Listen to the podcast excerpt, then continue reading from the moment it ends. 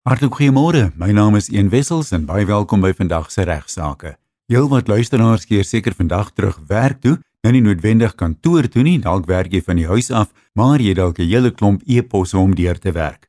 Maak nie saak waar jy na regsaake luister nie, in die motor of op 'n potgooi of regstreeks tussen 100 en 104 FM, baie welkom. Die program word moontlik gemaak deur die Prokureursorde van Suid-Afrika en die prokureur wat namens hulle die regsvrae beantwoord is Ignas Kleinsmid. Môre Ignas. 'n Hartlike goeiemôre aan almal. Ons is vraggies al 11 dae in die jaar 2021 en gedoorie waar of kan ek sê alle mapsticks of magtig dis wragtig fabelagtig of so iets want dit voel soos gister luisteraars te ons uh, millennium gevier het en die 21ste eeu is nou mondig is al 21 jaar oud en hoop ons is nou al by 11de en ons hoop uh, ons is almal nou al hard aan die werk sodat ons hierdie jaar opmaak vir die lekker rustyd wat baie van ons gehad het in die jaar 2020. Skrywe ontvang van 'n luisteraar wat vra indien die eienaar van 'n plaas waarop daar geen skuld is nie in sy testament die volgende aan sy erfgename maak aan sy eggenote lewenslange verblyfsreg aan sy seun lewenslange vruggebruik aan sy dogter 'n lewenslange huurkontrak op die plaas gee Nou wat gebeur nou as die eienaar sterwe kom en die boedelbelasting nie betaal kan word nie? Die regsmening sal hoog op prys gestel word. Ek sien dit kom van Martie Du Plessis en kinders af.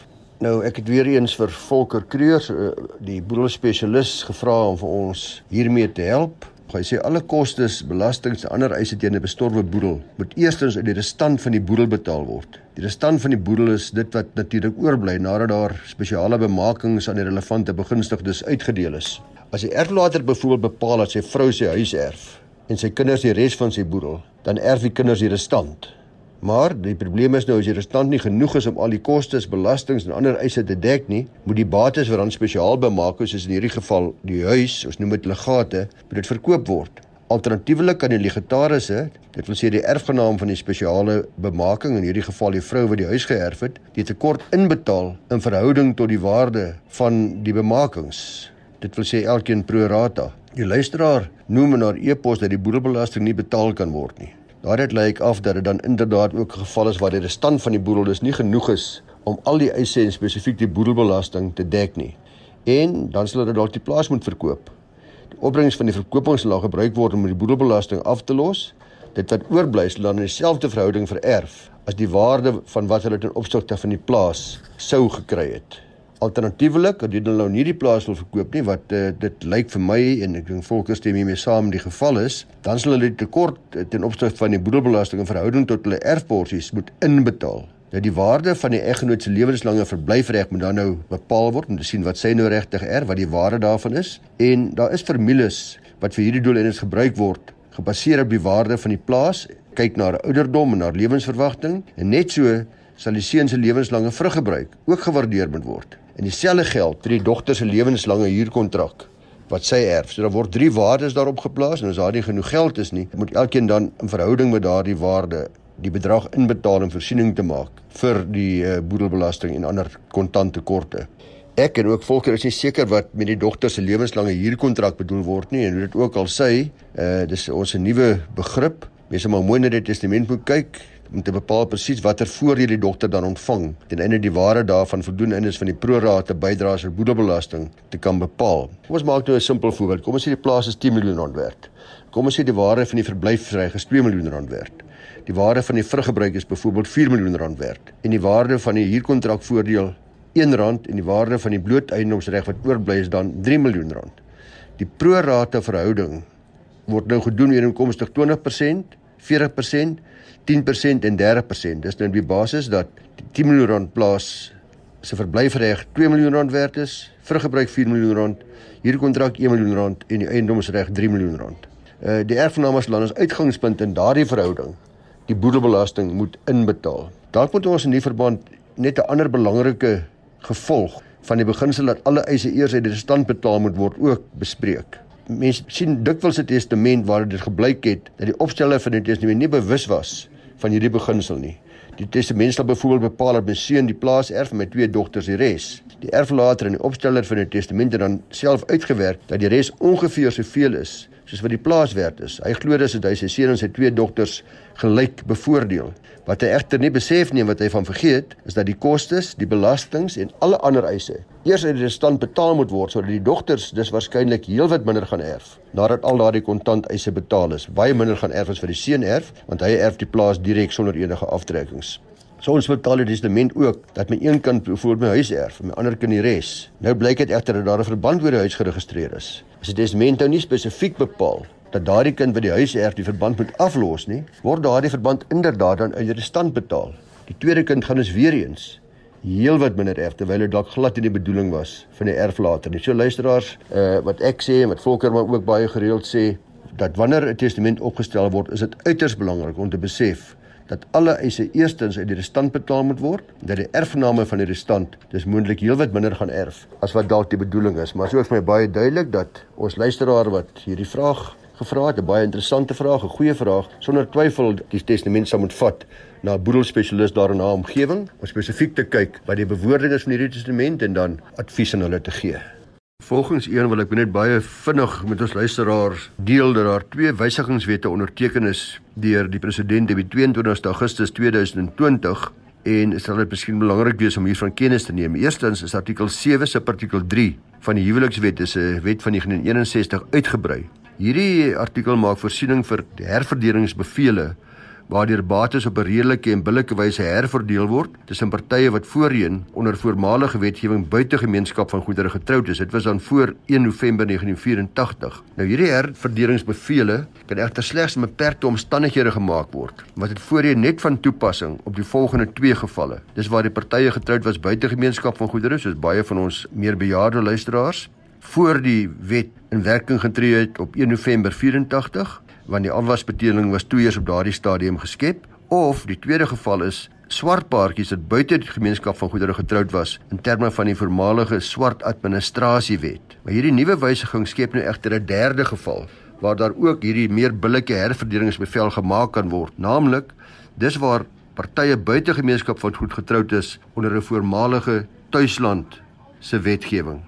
Tot op hierdie stadium het daardie partye nie daardie voordeel gehad nie en vanaf 22 Augustus 2020 is dit dus nou uitgebrei. Dit verleen is nou addisionele beskerming aan hierdie groep wat regtig in 'n kwesbaar was en kan daar ook in sulke omstandighede nou herverdelingsbevel gemaak word uh, om 'n meer regverdige verdeling van bates en laste te verseker. Dan tweedens is daardie wysigingswet op burgerlike verbintenisse is wet 17 van 2006 is ook nou in die staatskoerant gepubliseer en word artikel 6 daarvan gewysig. En dit het so ook deur die staatspresident geteken op 22 Augustus 2020 en dit sê nou maar eintlik dit waar huweliksbeamptes in diens van die staat tot nou toe kon weier om burgerlike verbintenisse tussen dieselfde geslagpaartjies te voltrek op grond van geloof of oortuiging word dit nie meer onder die nuwe wet toegelaat nie.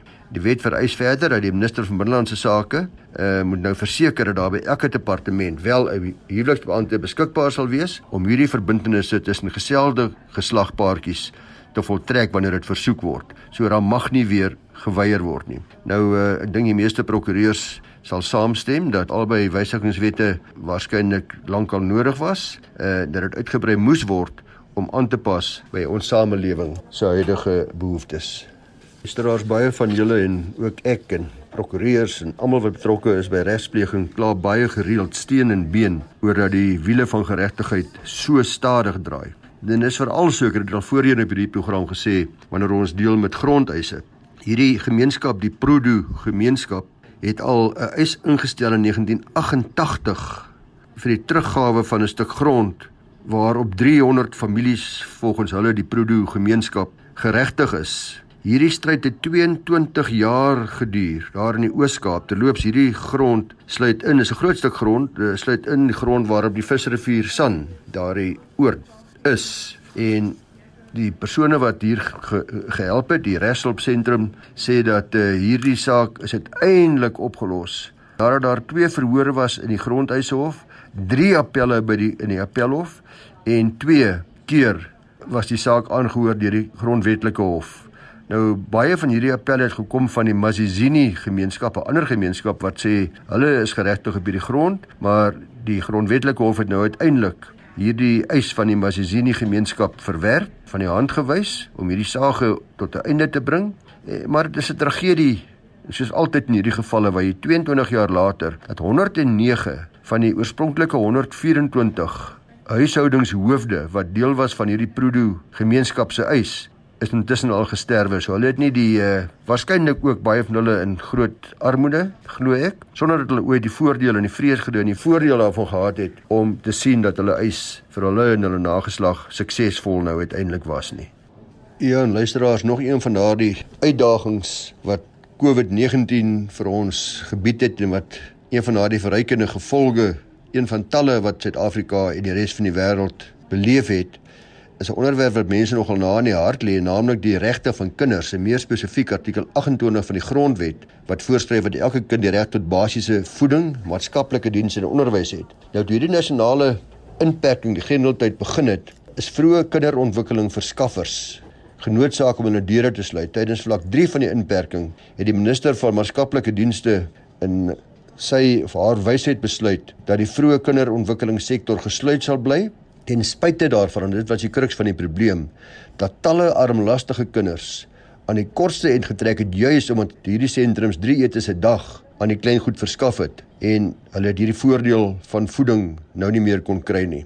Dit het veroorsaak dat uh, die minister van maatskaplike ontwikkeling hof toe gesleep is sodat hierdie verskaffers hulle dienste kon voorsit. Skole en ondersteuningsentrum in die naam van NPC 'n uh, Bronkhorstspruit Kleuterskool en solidariteit het die minister van maatskaplike ontwikkeling en twee ander ministers hof toegeneem en die hof moes nou beslis of hierdie besluit om hierdie kinderontwikkelingssektor gesluit te hou tydens vlak 3 van die inperking ongrondwettelik was. Die hof beslis dat dit inderdaad ongrondwettelik was en soverre dit verwys na privaat voorskole wat wel vroeë kinderontwikkelingsdienste lewer. Daar's egter ook beslis dat die skole aan voorgeskrewe veiligheidsmaatreëls moes voldoen alvorens hulle kon open en dit verstaan 'n mens. Dit was ongelukkig nie die einde van hierdie storie nie, want ek lees in 'n onlangse artikel in Maverick, die, artikel sê court steps in again to protect children in a lockdown en en dit was uh, gepubliseer op 4 November 2020. Daar lees ek dat talle verskaffers ongelukkig nie die onbekostigbare veiligheidsmaatreëls wat die departement voorgeskryf het kon implementeer nie. So alhoewel die hof gesê het, maak weer oop, gee kos vir die klein goed, maar weer eens dan moet veiligheidsmaatreëls aan voldoen word. Toe die departement se veiligheidsmaatreëls veroorsaak dat daar nie geld was om dit te implementeer nie, so hulle kon steeds nie hierdie voorskoolse kinders inneem nie. Om olie op die vuur te gooi, het lede van die provinsiale uitvoerende raad, dis nou uitgesonder die Wes-Kaap, hulle was nie deel hiervan nie, subsidies aan sentrums weerhou of net 'n deel daarvan betaal wat weer tot gevolg gehad het dat agt lede van die uitvoerende raad ook hof toe geneem is om hulle te verplig om hierdie broodnodige subsidies te betaal. Nou kan mens seker vra my maggies tog, hoekom het hulle nie die subsidies betaal nie? Want die rede daarvoor is dat die raad geredeneer is dat die vroeë kinderontwikkeling verskaffers nie operasioneel was tydens die inperking nie en dus nie die voedingsgedeelte van die subsidie benodig het nie. Daarna het hulle wel onderneem om sy volle subsidies te betaal, maar slegs aan verskaffers wat operasioneel was. Dit is nou die kruks van die probleem.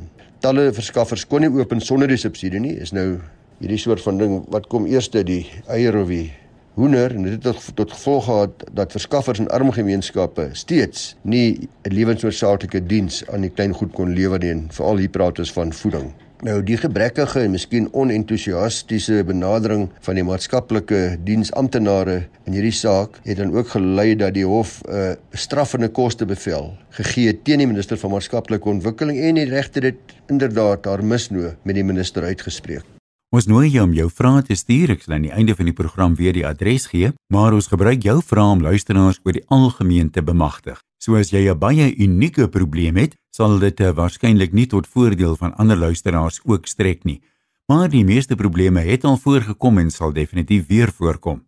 Dit beteken ongelukkig dat Ignas nie direk betrokke kan raak by luisteraars se regskwessies nie. Ons kry steeds baie gereeld elle lange aanhangsels met kontrakte, afskrifte van uitsprake van hofsaake waarby luisteraars betrokke was, tesame met 'n noodkreet dat Ignas asseblief moet help sodat geregtigheid kan geskied. Hulle kan nie 'n prokureur bekostig nie ensovoorts. Maar ek is seker jy kan jouself indink, Ignas is reeds afgetree, so hy kan net eenvoudig nie betrokke raak by individuele regskwessies nie. Hy kan nie vir jou telefonies skakel om jou probleem te bespreek nie. Dis in elk geval baie riskant om telefonies regsadvies te gee en hy kan ook nie persoonlik op e-posse antwoord nie. So ons vra begrip daarvoor. Die baie komplimente wat ons ontvang vir die program dui onteenseglik daarop dat ons daar die meeste van die tyd daarin slaag om die program interessant te maak vir luisteraars. Daarvoor moet nou natuurlik al die krediet kry, sowel as al sy medewerkers aan wie hy gereeld erkenning gee. Kom ons hoor wat bespreek hy in deel 2 van vandag se program. Alle boommense moet nou maar mooi luister. Ek, ek praat nou nie van die dendrologiese boomkenners nie, maar eintlik praat ek hier van die boomrokers want reeds 2 jaar terug luisteraars was ons almal in rep en roer oor die nuwe dagga wetgewing, die nuwe dagga reëls. Nou 2 jaar later weet ons nog nie regtig wat aan die gebeur is nie, maar die vraag is kan ons nou maar dagga gebruik, eh, dagga vir lekker lagga of is dagga steeds gaga of wat is nou in die gang? Nou my kollegas hier in Rustenburg Doopwes ingelyf, kende prokureursfirma se nuusbrief het vir ons almal die antwoord wat ek graag met u deel. Hulle sê dit is 2 jaar sedert die konstitusionele hof se mylpaal uitspraak wat sekere artikels van die wet op dwelmmiddels en dwelmsmokkelary sowel as die wet op medisyne en verwante stowwe ongrondwetlik bevind het. Dit was op die basis dat dit volwasse persone van die reg ontneem om dagga op 'n privaat plek te besit, te gebruik of te kweek vir daardie persoon se eie persoonlike verbruik in privaat let wel. Hoewel die hof dit dus nou toelaatbaar gemaak het vir volwasse persone om dagga op 'n privaat plek te besit en te gebruik en te kweek vir sy eie persoonlike gebruik of verbruik, moes die wetgewing rondom regulering van dagga steeds deur die wetgewer ontwikkel word. Nou het die regering uiteindelik luisteraars die wetsontwerp op dagga vir privaat doeleindes in die parlement ter tafel gelê. Nou hierdie wetsontwerp bevestig die reg van volwasse persone om dagga in 'n private plek en vir persoonlike verbruik te besit, te kweek, te rook en te verbruik en beoog dan ook om die besit van dagga in al sy forme te reguleer, deur onder andere ook voor te skryf hoeveel daarvan individue mag besit. Dis 'n vraag wat ons gereeld gekry het as prokureurs. Uh met die wetsontwerp nou voor die parlement sal daar ook natuurlik nou eers uitgerekte publieke deelname wees. So wat ek nou vir u gaan deel wat in hierdie nuusbrief staan is nog net 'n wetsontwerp, is nog nie finale wet nie en daar mag nog 'n bietjie water in die see loop en daar sal nog seker 'n warm debat wees. Maar vir diegene van u wat in afwagting is van verandering op grond van die konstitusionele hof uitspraak, dui die wetsontwerp beslis daarom nou uiteindelik op vordering ten opsigte van die gewettigde gebruik en besit van dagga. Nou hierdie wetsontwerp poog om dit as volg te doen. Volwasse persoon mag 'n onbeperkte hoeveelheid onbeperk hoeveelheid dagga sade en saailinge besit. Indien jy alleen in 'n woning bly, word jy toegelaat om 4 dagga plante of die gelyke daarvan per volwasse persoon te kweek en of om 600 gram gedroogde dagga per persoon binne die woning vir residensiële gebruik, ander woorde in die huis self te hê. So dan meer as twee volwassenes byvoorbeeld in 'n woning bly, is dit toelaatbaar om 8 dagga plante of die gelyke daarvan per woning te kweek en of om 1200 gram gedroogde dagga per woning te hê. Publieke ruimte mag volwasse persoon 100 gram gedroogde dagga in hulle private besit hê en in 'n publieke ruimte mag 'n volwasse persoon een dagga plant by jou hê. Volwasse persone mag mekaar vir persoonlike gebruik voorsien van 30 dagga sade en of 1 dagga plant en of 100 gram dagga. Dis onderhewig aan die feit dat dit nie 'n ruil is vir enige vorm van vergoeding nie of of 'n geskenk of 'n beloning of 'n guns mag wees nie. Nou oortreding van enige van hierdie voorwaardes sal neerkom op op 'n vonnis. Sommige vonnisse is ligte vonnisse vir sekere oortredinge en ander weer uh, swaarder vonnisse, maar baie belangrik. Ook in hierdie wetsontwerp is dit duidelik dat die verkoop van dagga in enige vorm bly verbode. Tensy dit en is ook belangrik deur gemagtigde mediese praktisyns vir medis medisinale gebruik voorgeskryf word. Nou om minderjariges as ook mense wat nie daggarokers is nie, soos hopelik ons almal te beskerm, maak die wetsontwerp dit 'n misdaad om in die openbaar dagga te rook of te verbruik om in privaat in die onmiddellike teenwoordigheid van kinders of nie toestemmende volwassenes dagga te rook of te verbruik nie of om in privaat dagga te rook of te verbruik naby 'n venster of luggat aan grense tot 'n ander struktuur of openbare ruimte wat 'n oorlas vir u en vir my of vir enige ander een kan veroorsaak en enige rook of verbruik van dagga in 'n voertuig op openbare pad is ook verbode. So 'n hele klomp aspekte wat 'n misdaad is wat alles daarop gemik is om nie dagga rokers en kinders ver te hou van dagga walms af. Volwasse persone moet verseker dat enige dagga materiaal, 'n plant en of dagga veilig en buite die bereik van kinders gestoor word. Weereens, indien dit nie doen nie, sal dit neerkom op 'n oortreding tensy die kind die volwasse persoon help met die kweek van die dagga plante wat moet plaasvind onder volwasse toesig. Dan laastens beoog hierdie wetsontwerp om diegene wat skuldig bevind is aan misdade verwant aan die besit of gebruik van dagga kwyt te skeld deur die uitwissing van hulle misdaadrekords voor te stel. So as jy reeds 'n rekord het hiervoor vir besit of gebruik, dan stel hierdie wet voor dat u dan nou daardie rekord uitgewis word en soos ek reeds gesê het, Die wetsontwerp sal nou gevolg word deur uitgerekte publieke deelname en kom ons kyk maar wat die einde daarvan gaan wees. Maar wat wel baie duidelik is dat dagga in Suid-Afrika is nie meer gaga. Luisteraars, ek is werklik dankbaar vir al my kollegas oor die hele land wat bereid is om sonder vergoeding altyd by te dra tot regsaake. Uh, baie van die firmas uh, stuur dan ook vir my hulle nuusbriewe en dit geen probleem as ek daarvan gebruik maak. Uh, Natuurlik met erkenning aan hulle vir hierdie program nie. En soos jy weet maak uh, ek ook baie dikwels gebruik van die jonger prokureurs hier by van Velden en Duffy. Ook baie dankie aan hulle want soos ek dikwels sê is nie altyd my wysheid wat u met u gedeel word nie, maar korrektiewe wysheid van 'n klomp regspesialiste oor die hele land. Ek kry 'n nuusbrief hier van die bekende en goeie firma daar in Polokwane DDKK en hulle probeer 'n vraag beantwoord wat ons as prokureurs baie dikwels kry. Nie altyd as 'n regsvraag tydens 'n konsultasie nie, maar baie dikwels op die golfbaan of op 'n braaivleisvuur of waar ook nogal word daar gevra: "Jong, wat moet ek doen? Moet ek koop of moet ek huur?" So nou die regte tyd om te koop, moet ek liewer eers hier moet ek bietjie wag. Nou DDKK sê die volgende: Hulle sê om eiendom te besit kan oor die lange duur baie voordelig wees. Maar die algemeen is eiendom 'n waardige belegging vir jou geld. Bygesê is dit nie altyd die antwoord vir almal nie en bly die huurmark baie keer 'n goeie keuse wanneer mense finansies, wil jou werksituasie en die grootte van die gesin in ag geneem word. Dan sê hulle is tans veilig om te sê dat dit 'n kopersmark is. Ek stem 100% saam. Rentekoerse is baie laag en die gunste van die koper, maar onthou dat om eiendom te koop beteken dat bykomende kostes bykom wat jy sal moet dek, soos verbandregistrasiekoste, oordragskoste, hereregte aan die ontvanger van inkomste, versekeringspremies, die koste dikwels van opknapping of opgradering van jou nuwe eiendom, dikwels spandeer mens baie meer as wat jy beoog het. Uh glo ek wanneer mense eiendom aankoop, wat dikwels ook onvoorsien. Eweneens sê uh, my kollegas DDKK kan rentekoerse hoewel dit nou laag is natuurlik wissel oor tyd en sal jy die finansiële stabiliteit moet hê om sulke veranderinge, stygings in rentekoerse, sowel as die ander kostes wat met die besit en onderhoud van 'n eiendom saamgaan, te akkommodeer. In vergelyking kan huur egter baie goedkoper wees en op sommige maniere ook veel eenvoudiger en meer buigsaam. Bygesê, deur te huur, help jy die verhuurder om sy verband af te betaal en die waarde van sy belegging pleks in jou eie te verhoog. Jy is ook afhanklik van jou huurooreenkomste ten opsigte van wat jy met die eiendom kan doen en nie mag doen nie. En sal jy selfs kennis kan ontvang om die eiendom te ontruim, sou die verhuurder besluit om te verkoop, natuurlik onderhewig aan wat die bepalinge is van die huurooreenkoms. En dikwels sal mense dan ook, dit staan nou hier by in 'n nuusbrief nie, maar eh uh, sal mens uh, jou huurderskliënte aanraai om te verseker dat die normale reël van huurgaat voorkoop van toepassing is sodat hulle nie onverwags kennis kry van ontruiming nie. Daar's dus duidelik voordele en nadele luisteraars aan beide die koop en die huurverbonde. Daarom is dit nuttig om die volgende faktore te oorweeg wanneer jy moet besluit watter opsie jy in jou spesifieke omstandighede verkies. Hoe lank beplan jy om op dieselfde plek te bly? Vergelyk die kostes verbonde aan om te huur teenoor om te koop. Wat is jou siening van jou toekomstige finansiële posisie? Hoeveel spasie sal jy binne die volgende paar jaar benodig ten opsigte van byvoorbeeld 'n gesin, troeteldiere, addisionele voertuie, motorhuise wat jy nodig gaan hê ensovoorts? Watter risiko's hou koop of huur vir jou spesifiek in jou omstandighede in?